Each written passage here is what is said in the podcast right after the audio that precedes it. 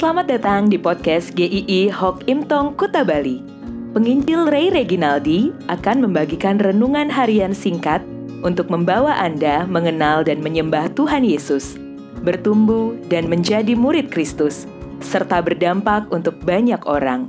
Jika Anda merasa diberkati melalui renungan ini, silahkan bagikan podcast ini agar orang lain juga diberkati.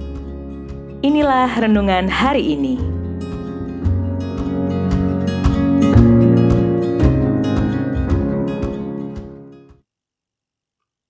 Harapan Yesaya 9 ayat yang pertama Bangsa yang berjalan di dalam kegelapan telah melihat terang yang besar. Mereka yang diam di negeri kekelaman, atasnya terang telah bersinar. Ada kisah-kisah tragis di tahun 2020 ini. Ada orang-orang yang memilih untuk mengakhiri hidupnya dengan bunuh diri di beberapa negara tingkat bunuh diri pun meningkat di tahun ini. Dari kisah-kisah memilukan ini, banyak cerita-cerita betapa orang-orang yang memilih jalan ini melihat bahwa mereka ada di titik yang begitu susah, yang begitu gelap, tidak melihat titik terang itu muncul Semuanya menakutkan dan dirinya tidak sanggup untuk menahannya. Mungkin ada di antara Anda pun saat ini sedang merasa hidup ini sudah gelap dan begitu menakutkan. Namun jangan menyerah dulu. Dengarlah firman Tuhan hari ini. Bangsa Yehuda pun pada saat itu sedang mengalami kegelapan dan kesuraman di dalam hidup mereka mereka ada di bawah tekanan bangsa Asyur yang begitu perkasa. Dari sisi harga diri, mereka begitu direndahkan karena mereka ada dalam kuasa bangsa lain.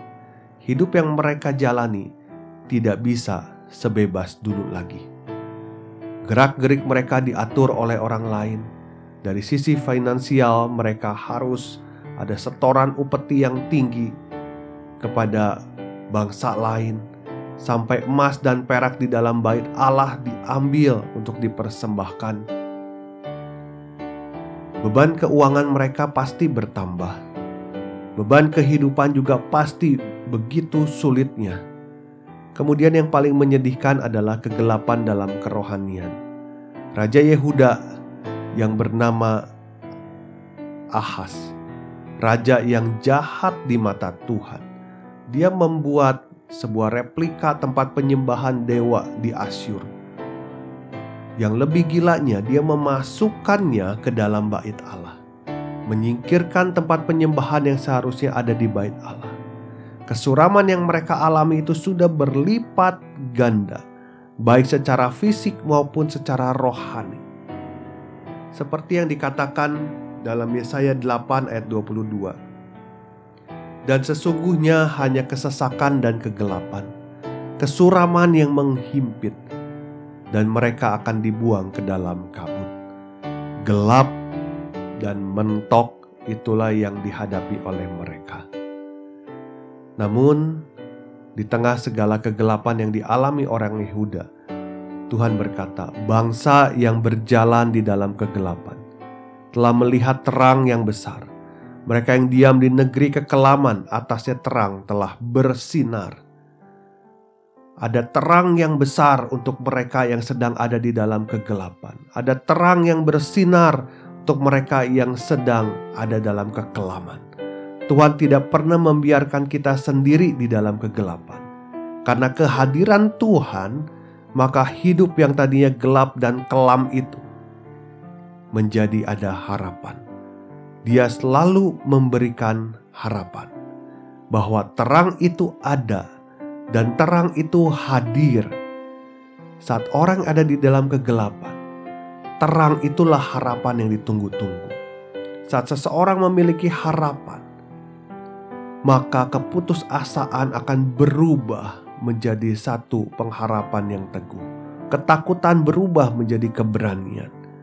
Orang yang memiliki harapan tidak akan pernah menyerah di dalam kehidupan ini. Dari kehancuran itu, orang Yehuda tahu apa arti kehadiran Tuhan di dalam hidupnya.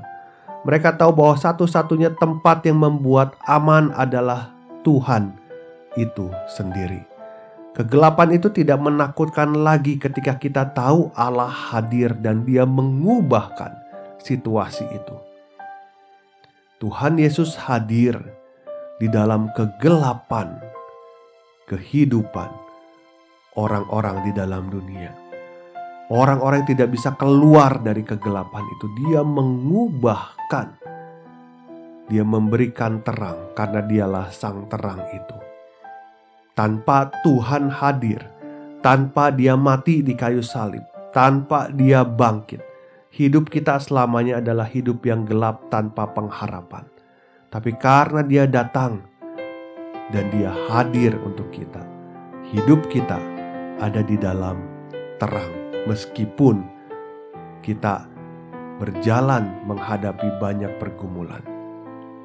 Jalan hidup orang percaya itu bukan karena kepercayaan dirinya bisa mengatasi semuanya, atau ada orang lain yang pasti bisa membantu dia, tetapi karena ada terang yang sudah hadir, yaitu Kristus itu sendiri. Hidup kita berdasarkan pengharapan di dalam Tuhan Yesus.